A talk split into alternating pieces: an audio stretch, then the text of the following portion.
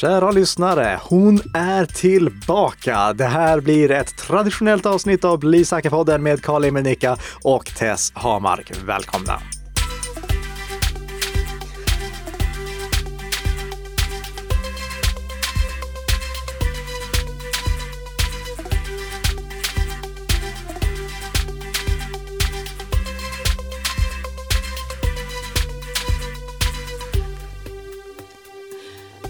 Ja, välkommen hem Tess! Tack så jättemycket. Som... Det var ett fint välkomnande där. Du sitter där och gömmer dig på andra sidan den här skärmen. Vi kan väl säga det att eh, vi, vi har sådana här stora mikrofonabsorbensljudsaker framför oss. Vi ser egentligen inte varandra. Vi kan bara vinka lite så över dem ifall vi vill kommunicera. Eh, men jättekul att ha dig tillbaka och tack till Marko Rajkovic som fyllde i medans du var borta. Och jag trodde att du var på Seychellerna, men det var du inte. Nej, jag har ju spenderat två veckor nu i Karibien. Mm. Mm, det var inte helt fel faktiskt. Nej, det kan jag tänka mig, fast jag var helt fel ute med var du var. Ja. Inte för att det spelade någon större roll, men ändå. Eh, hur som helst, det här är eh, Bli säker-podden med Karl Nicka och Tess Hamark, en podcast som produceras av Nicka Systems och Bredband2. Och i det här avsnittet så ska vi faktiskt dra nytta av att du har varit på resande fot, för vi ska prata om hur man håller sig säker när man inte är hemma i Sverige. Men innan vi gör det, då måste vi såklart gå in på veckans snabba ämne och eh, då ska jag först leta upp en känga här borta. Ska mm. se. Eh, och vet du vem som ska få den här kängan? Alltså ja, jag vet ju faktiskt det. Ja. Det är ju faktiskt Facebook. Mm, Facebook. Vad i vette håller ni på med? Eh, jag blev alldeles chockad när jag läste att Facebook hade ett nytt sätt som de använde för att verifiera vissa nya användares e-postadresser. Eh, hur brukar det gå till? Och om du registrerar ett konto någonstans Tess, vad får du göra då för att bekräfta att din e-postadress stämmer? Um, klicka på en länk egentligen. Ja, det kommer en länk till din mm. e-postadress. Mm. Du klickar på den och då är din e-postadress verifierad. Det är så det för övrigt funkar på Nika Systems lärplattform också. Du registrerar din e-postadress, du får en länk och det står att, eh, ja, lite information om att klicka på länkar och varför det är okej okay att klicka på just den länken. Och så bekräftar du din e-postadress därigenom. Facebook, de hittade på ett nytt sätt som de använde för vissa e-postadresser, troligtvis de e-postadresserna som var i riskzonen för att missbrukas. Och det de gjorde, det var att de bad användarna om att lämna över sina lösenord till sina e-postkonton så att Facebook skulle kunna verifiera det automatiskt. Och det, mm. alltså, det är så vansinnigt att jag saknar ord för det. Verkligen. Hur, hur i hela friden kan man göra så? Nej, och man undrar lite, finns det en det, vi, vi, vi pratade lite om detta innan, mm. eh, men just om det finns en anledning eller en baktanke om det. Ja, jag är ju inte så konspiratoriskt lagd normalt sett. Eh, och jag tror inte att det finns någon bakgrund här heller, alltså att de skulle vilja missbruka ens mejl. Men att lämna, att överhuvudtaget komma på idén mm. att be en användare ge lösenordet till det viktigaste kontot som användaren har att skydda. Vi har ju pratat om att e-postkontot är det viktigaste kontot att skydda. Mm. Vilket, eh, hela den här verifieringsprocessen bygger ju då också på att den användaren inte har tvåstegsverifiering påslaget. Ja. Jag saknar ord för det. Man kan inte göra så här och det ska tilläggas att Facebook har slutat göra det också efter att det uppmärksammades. Mm. Men, det är ju bra det, men ändå. Ja, det lämna aldrig någonsin ut lösenordet till ditt e-postkonto. Inte till någon. Det finns ingen anledning att skriva in det någon annanstans än när du loggar in till ditt e-postkonto. Och det här gäller egentligen alla typer av eh, internetkonton. Du ska till exempel aldrig ge ditt Facebook-lösenord till en sida som vill eh, låta dig logga in med hjälp av Facebook. Vi har ju pratat om det tidigare, att man kan logga in med andra tjänster, eh, logga in med Facebook till exempel. Men då ska du ändå aldrig lämna över ditt Facebook-lösenord till någon annan tjänst än Facebook och du ska aldrig någonsin lämna ut ditt mejllösenord till något annat än din e-postleverantör. Mm. Så. Ja, vi, vi har inga fler ord gällande detta Nej, helt nej. enkelt. Nej. Eh, Vi eh, kan däremot gå vidare med någonting annat som eh, Emanuel Karlsten uppmärksammade på, eh, eh, på Breakit. Emanuel Karlsten har ju för övrigt gjort ett fantast, en fantastisk insats med att rapportera kring artikel 11 och artikel 13 och det som de sen bytte namn till. Eh, Vi har valt att inte gå igenom det i den här podden, dels för att jag, jag tror att det hade blivit för varmt här inne. Det, jag, hade troligtvis exploderat lite. Eh, så vi eh, pratar inte om det, men vi ska prata om en annan sak som då Emanuel Karlsten har rapporterat om och det var att han upptäckte att han en gång använde en ny häftig eh, teknikapp som heter Shim som hjälpte en med ens fysis, eh, förlåt, psykiska hälsa. Mm. Och sen upptäckte han att appen Enjo som jag vet inte om, det blev, om de hade köpt upp Shim eller vad som hade hänt där, men de hade på något sätt förvärvat Shims teknik i alla fall. Och det visade sig att de också hade fått med datan som tidigare hade lämnats in till den här gamla appen. Och det är ju jätteallvarligt. Jag säger inte att de har gjort fel, för det kan hända att de har något juridiskt avtal där kring och jag är ju inte utbildad inom juridik, så det ska jag inte uttala mig om. Men man måste vara medveten om att sånt här kan hända. Att data plötsligt kan tillhöra ett annat företag när det företaget köps upp av något annat. Numera så ägs Enjo av Kry eh, och Kry har kommenterat det här också i Breakits artikel som vi länkar till här och, och där de bland annat försäkrar att det här kommer att åtgärdas och de bara eh, förvärvade NU Enjo för att få tillgång till deras personal som jobbade där, inte för att få tillgång till datan. Ni får jättegärna läsa den artikeln på Breakit om ni vill veta mer. Det jag skulle vilja påminna om här, det är att ett, läs avtalen innan du använder en tjänst. Framförallt om det är något så känsligt som något som berör sjukvård eller psykisk hälsa. Mm. Och det, den uppmaningen, den vet jag att åtminstone en person här inne inte kommer följa. Och den personen är jag själv.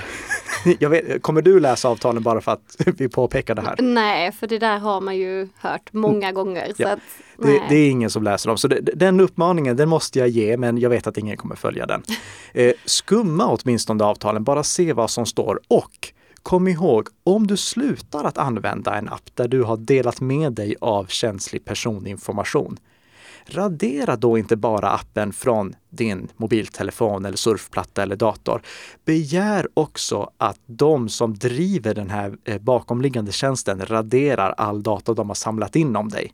Mm. Så avsluta ditt konto i samband med att du avslutar det kontot, se till att all data om dig raderas så att du åtminstone minimerar fotavtrycket, eh, mängden information som kan leva vidare även om du inte tänker på att den gör det. Och kanske också passa på då att begära ut informationen så att du faktiskt får ta del av vilken information de har om dig. Ja, precis. Mm. Bra tips. Eh, och eh, så har vi en sak till eh, som vi måste nämna här som vi inte har nämnt. Eh, Google Allo lever inte längre. Eh, använder du Google Allo mycket för att eh, chatta med din kille?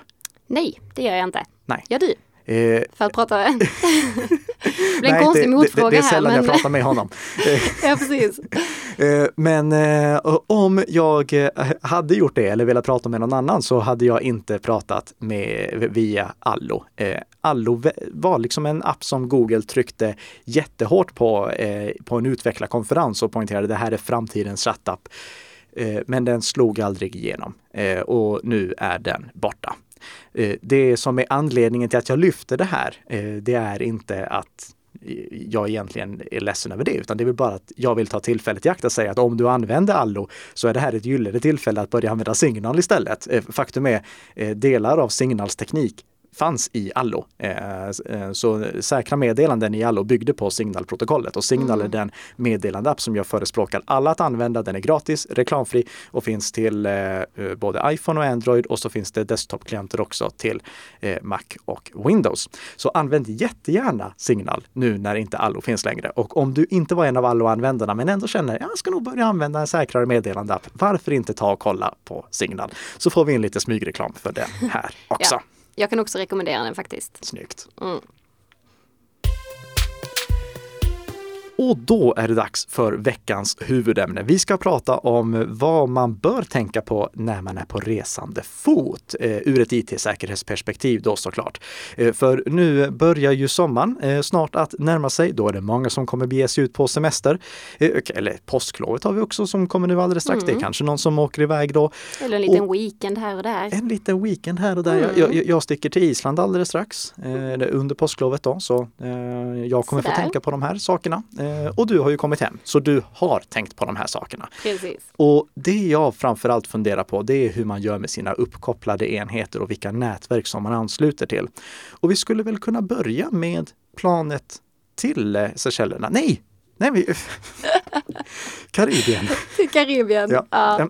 Men vi kan eh, säga att jag var på Seychellerna också. Ja, nej, det, jag, jag har skrivit här i mitt manus till och med Karibien uttryckligen så att jag ska säga rätt.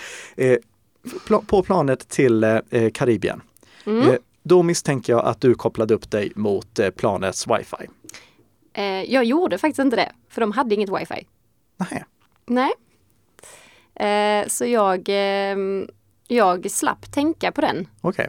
Okay. Ja. Eh, men du har kanske flugit någon gång med flygplans wifi? Det har jag. Ja. Och har du tänkt på då att när man använder flygplans wifi, till exempel Norwegians wifi, mm. att det då dyker upp en liten banner på webbsidor man besöker där det finns information om flygtid och liknande, hur långt man har kvar och sånt. Ja, jo men det har jag. Mm. Och det dyker ju upp på webbsidor som inte är Norwegians. Mm. Hur i hela friden gick det till? Hur kan de lägga information där? Bra fråga. Ja. Mycket bra fråga. Mm. Och det är för att om du ansluter till en sida via HTTP, alltså adressen börjar inte med HTTPS, det finns inget litet hänglås i adressfält utan bara HTTP. Då kan den som driver wifi-nätet ändra i informationen som du får. Mm. Norwegian eller någon annan skulle alltså till exempel kunna byta ut alla artiklar på Aftonbladets webbsida så att de handlade om Gunde Svan om de kände för det. Eh, mm. nu, nu, vet jag inte varför de skulle göra det, men det var det som kom top of mind. Och varför det kom top of mind, det har, du. Flyget till fjällen kanske? Eh, men i alla fall, de kan byta ut allting de känner för om anslutningen är via HTTP. Mm. Huruvida det är acceptabelt eller inte, det överlåter jag till er själva att fundera över. Men det är någonting som är ganska anmärkningsvärt. Inte för att flygbolagen gör det, utan för faktumet att det här gäller ju alla publika wifi. Mm. Det här kan alltså till exempel den som driver ett café också göra. Det finns ingenting som hindrar dem från att göra det. Och det går ju att göra betydligt värre saker med den här tekniken än att lägga in eh, en eh, liten banner om flygets eh, kvarvarande restid eller då byta ut alla artiklar till någonting som handlar om Gunde. Så tänk på det. Om ni använder publika wifi, som till exempel det på flyget, då skyddas inte ni på något sätt när ni ansluter över HTTP. Då kan informationen bytas ut. Men det går inte om ni ansluter via HTTPS.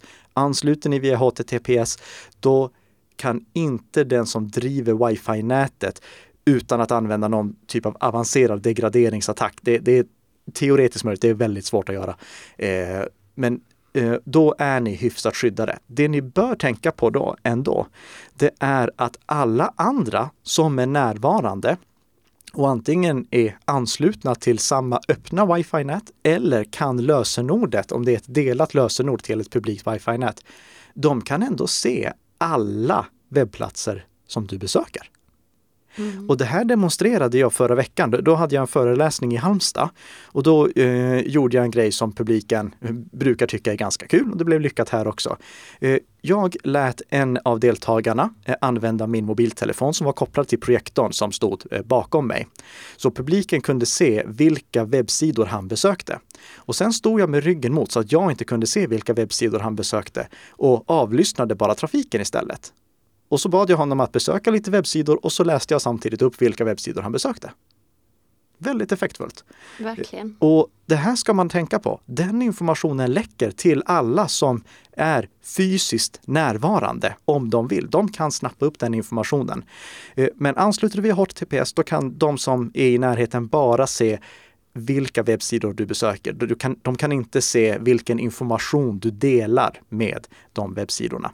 Eh, däremot ansluter du via HTTP, osäkra HTTP, då kan de se det också. Mm. Och även inloggnings...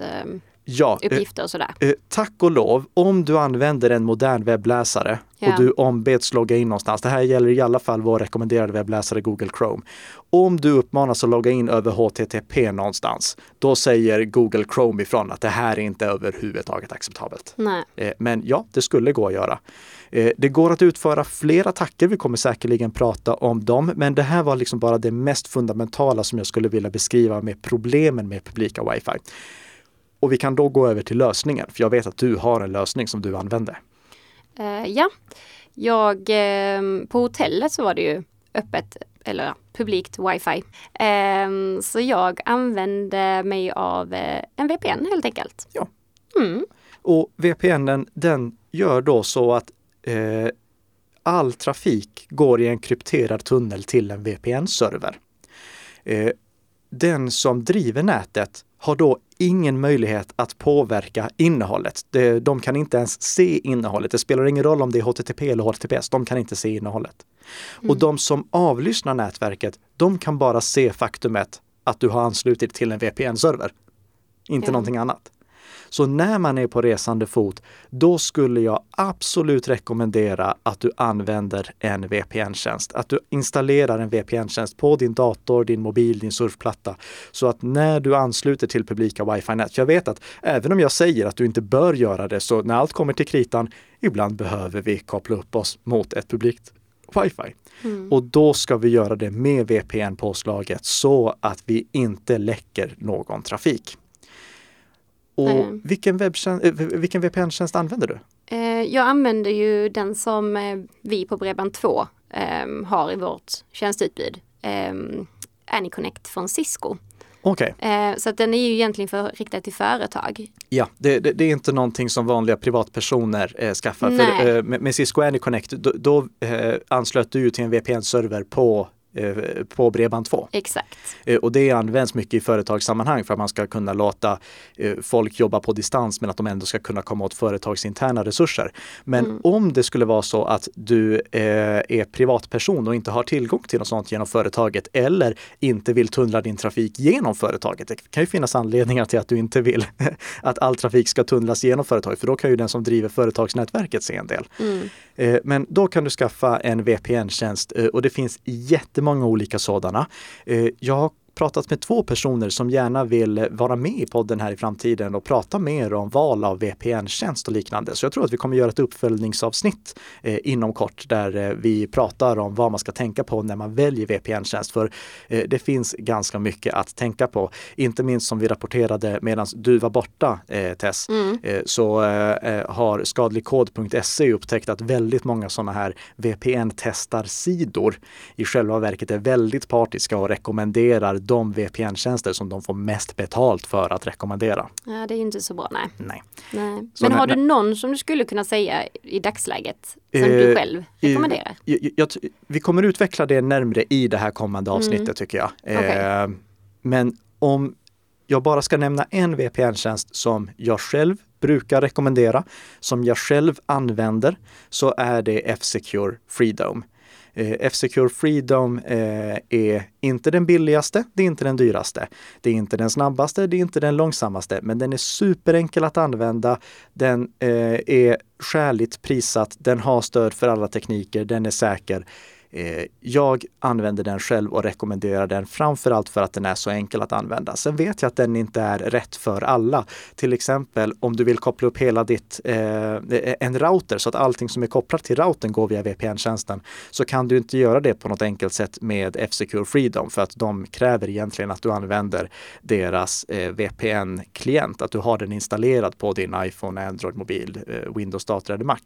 Mm. Eh, och det, den är inte heller bra ifall man vill använda VPN-tjänster för att komma åt Netflix, för Netflix har spärrat, eh, eh, förlåt, det har jag inte sagt. Man kan använda VPN-tjänster också för att till exempel få tillgång till Netflix i USA. Eh, och Netflix i USA har spärrat de amerikanska Freedom-servrarna, så det, det, funkar inte att göra med Freedom. Jag använder det däremot för att kunna komma åt dansk tv till exempel. Det fungerar alldeles ypperligt. Men eh, oavsett vad, det, det, det, är en sån här eh, tjänst som jag brukar rekommendera eh, och som jag dessutom använder själv i privata sammanhang när jag inte vill tunnla in till mitt eget företag. Mm. Och för transparensens skull så kan vi väl nämna att ni på Bredband2 har ett samarbete med, Free, eh, nej, med, med F-Secure. Det har vi ja där ni säljer deras eh, Safe-paket. Eh, men där tror jag inte att Freedom ingår. Nej, det gör det inte. Nej. Nej. Eh, men det är samma företag som ligger bakom. Kan också nämna att Nika Systems har anordnat tävlingar där F-Secure Freedom har varit vinsten i och med att det är en produkt som jag rekommenderar många att använda. De tävlingarna var inte heller sponsrade av F-Secure utan det var vi som betalade de licenserna själv. Så det här är ett, en opartisk rekommendation av F-Secure Freedom. Och det vill jag bara lägga till dem med tanke på just de här testsajterna som egentligen rekommenderar det som de får mest betalt för. F-Secure har inte betalat en enda krona för den rekommendationen. Mm. Eh, någonting annat som du kanske tänkte på eh, när du var eh, på semestern var vad du gjorde om du inte hade ett publikt wifi-nät i närheten. Då var du tvungen att använda mobilnätet. Eh, det var jag och mm. jag hade väl lite tur ska vi säga, men eh, dit jag åkte så är det, det är franskt helt enkelt. Det är franskt, franskägt. Eh, så att eh, det in, ingår ju i EU. Jaha. Så jag kunde ju använda mitt mobilnät. Okej. Okay. Så jag kopplade liksom inte upp mig på wifi för att det var, ja nu är jag kanske lite taskig men det, det var inte så jättestabilt mm. nätverk. Um, det var ju faktiskt fantastiskt bra i så fall eh, att du valde just det resmålet. Eh, jag tänkte inte på, på det. Eh, men om man reser inom EU då har vi ju numera roamingavtalet som gör att du kan surfa som om du är hemma, alltså att det inte tillkommer några extra kostnader när du reser inom EU eh, Roam like home eh, som det kallas. Eh, det finns vissa begränsningar från många operatörer, till exempel hur mycket dator du får använda utomlands och liknande. Men de här horribla eh, summorna eh, som man kan komma upp i ifall man råkar ha roaming påslaget utanför EU eller något av de andra länderna som ingår i Roam like home-konceptet. Eh, de slipper vi nu. Eh, men för några år sedan, då var det ju vanligt att folk eh, behövde gråta ut i Aftonbladet för att de hade råkat surfa för 100 000 kronor oh, yeah. när de var på utlandssemestern. Eh, och, och, det är någonting som du fortfarande måste tänka på ifall du åker till ett land som inte omfattas av Roam Like Home. Och jag, jag, vet att några operatörer har lagt till extra länder som inte är inom EU eh, så att de här avtalen gäller där också. Och då kan du kolla med din operatör vad som gäller med just det landet som du ska till och eventuella transitländer som du åker igenom så att du inte börjar surfa på flygplatsen i ett land som inte inkluderas och att då kommer upp i väldigt höga kostnader. Och jag skulle också rekommendera att om du åker till ett land som inte omfattas av Roam Like Home, då ska du eh, höra med din operatör om de har något paketpris så att du köper ett paket med ett visst antal gigabytes eh, data som du får surfa, eh, surfa för innan du åker dit eh, istället för att eh, du eh, har löpande taxa. För löpande taxan brukar vara mycket, mycket högre än vad paketpriserna innebär rent kostnadsmässigt. Mm, fina tips. Mm. Eh, och avslutningsvis, hade du då en trevlig och säker resa? Jag hade en trevlig och säker resa och jag är hemma igen. Ja, vad härligt. ja. Mm. Och då har vi kommit till veckans lyssnarfråga från Inger på Facebook. Hon skriver Vad anser du, ni, om Klarna som betalmedium? Där krävs ingen inloggning alls vid betalningen, även om man naturligtvis loggat in på respektive företag. Och det här är ju en fråga som kom efter vårt avsnitt om säkra kortbetalningar på nätet. Mm. Om du inte har lyssnat på det avsnittet så gör jättegärna det. Um, vad tycker vi om Klarna? Brukar du betala med Klarna? Alltså ibland. Um, men det är ju framförallt uh, när jag tar på faktura. Mm. Använder och, du Klarna? Nej, nej, det gör jag inte. Um, och kan väl säga att grundproblemet eh, som vi hade i avsnittet om säkra kortbetalningar, det är ju faktumet att när man betalar på nätet, då ger man ut ett statiskt nummer som är kopplat till ett kort. Det här numret förändras inte. Om det numret hamnar på avvägar så kan andra handla med ens kreditkort. Fördelen med att handla på faktura med Klarna, det är ju att du lämnar inte ut något kreditkort. Det, det, det, eller kreditkortsnummer. Du, du lämnar liksom bara ut vem du är som person. Eh, så det finns liksom inte något kortnummer som kan läcka och sen så får du en faktura som du kan betala eller som du kan bestrida ifall det är någon annan som har handlat i ditt namn. Och här kommer vi in då lite på problematiken som jag ser med Klarna. Nämligen att det är lite för lätt för bedragare att handla i ditt namn. Mm. Jag tycker att egentligen borde det krävas att man eh, loggade in med eh, BankID eller signerade med BankID för att man skulle få handla med, eh, mot faktura till exempel så att inte det kan missbrukas. Um, nu vet jag, jag, jag, har inga siffror på hur mycket det missbrukas, men det har funnits rapporter om att, eh, alltså artiklar i tidningar om att det har missbrukats och jag vet att Klarna också har funderat själva över det. Och de har lagt in en möjlighet eh, för eh, kunder att välja om det ska krävas mobilt BankID för att handla eller inte. Och det, det, tycker jag ju är bra i sig. Jag hade ju gärna sett att det var krav redan alltså för alla, alltid. Så att inte någon kan missbruka ens eh, namn och börja köpa saker i ens namn. Eh, det här är ju någonting som framförallt drabbar de som ja, har fiender som bara vill jävlas med dem. Mm. Eh, för det, det, gör det ju lite extra jobbigt, både för den som blir utsatt för det och för företaget. Sen kan vi väl säga att Klarna måste samtidigt göra sin lösning så att den är så simpel som möjligt. För de vill ju både att den ska vara säker och att den ska vara lätt att handla med. Eh, om ett företag gör en betalningslösning som är supersäker men också jobbig att handla med av just den anledningen, då spelar det ingen roll att den är supersäker. För ingen handlare kommer att använda den. Det måste vara lätt att handla för att handlarna ska erbjuda det här betalningsmediet. Så eh, Klarna går hela tiden en jobbig balansgång här. Och jag får väl tro att eh, Klarna har gjort en bedömning eh, där de har konstaterat att risken för missbruk är så pass liten att det kan vara på det sättet som det är idag. Om det är rätt eller inte, det vågar jag inte säga. Men vi kan däremot konstatera i alla fall att du inte har något kortnummer som du blir av med om, du handlar med Klarna mot faktura. Då. Mm. Eh, man ska också vara medveten om att just nu så granskar Datainspektionen Klarna för att se hur de hanterar de personuppgifter och transaktionsuppgifter som de får ta del av. Ehm, jag vet att eh, Klarna säkerligen vill ha del av sådana här transaktionsuppgifter, inte minst för att kunna minimera missbruket och eh, risken att man blir utsatt för bedrägerier. Men det är ändå någonting som man ska vara medveten om att Klarna fyller en ganska central funktion i betalprocessen och de får del av mycket data. Och just nu så eh, håller som sagt Datainspektionen på att utreda det. Jag kan lägga med en länk till en artikel om det om ni vill läsa mer också. Eh, så vad tycker vi om Klarna? Eh, det är ett bra alternativ, eh, absolut. Om du vill betala på nätet utan att lämna ut ditt kortnummer, klockrent. Det, då kan du använda det.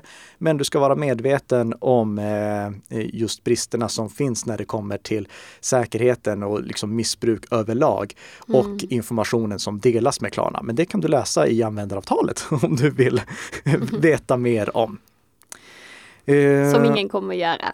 ingen kommer göra det, nej, nej. nej, absolut inte. Det men eh, ja, det, Klarna är ju ändå ett svenskt bolag, det rapporteras mycket om dem. Eh, om det här blir ett stort problem med missbruk, då tror jag att det kommer lyftas fram. Och vi får se nu vad Datainspektionen kommer fram till också när de har gjort sin granskning av Klarna. Mm. Och med det sagt så är ja, veckans avsnitt klart. Det, det gick snabbt idag får jag säga. Det gick väldigt snabbt. ja, eh, men tack så mycket till dig som har lyssnat. Om du gillade den här podden så recensera den gärna och lämna ett omdöme på iTunes och tipsa också folk i din omgivning om att de bör, borde lyssna på den. För vi kan väl säga som så här, målsättningen med den här podden är att vi inte ska behöva ha den. Det är an, anledningen till att vi har den, det är att den faktiskt behövs. Eh, Att eh, det här är information som behöver komma ut. Så Mm. vi får hoppas att innan vi går i pension så är den här podden nedlagd för att den inte längre är efterfrågad. Men så som det ser ut nu så behövs den fortfarande, så tipsa jättegärna vänner och bekanta om att lyssna på oss så blir vi jätteglada. Och passa också på att skicka in veckans lyssnarfråga. Eh, för i alla fall om den blir upptagen som veckans lyssnarfråga, då får du bli säker-boken som tack för din insats. Och det är bara att skicka in frågan via valfria sociala medier till antingen Nika Systems eller Bredband2. Eh, på Nika Systems så kommer jag svara och på Bredband2 kommer Tess, jag, Ja. då svara. och nu vet jag att du har jättemycket att göra eftersom du eh, är precis tillbaka från semestern. Så jag eh, tackar så mycket för att du har varit med här idag. Jag tackar mig själv också och jag tackar er som har lyssnat på återhörande.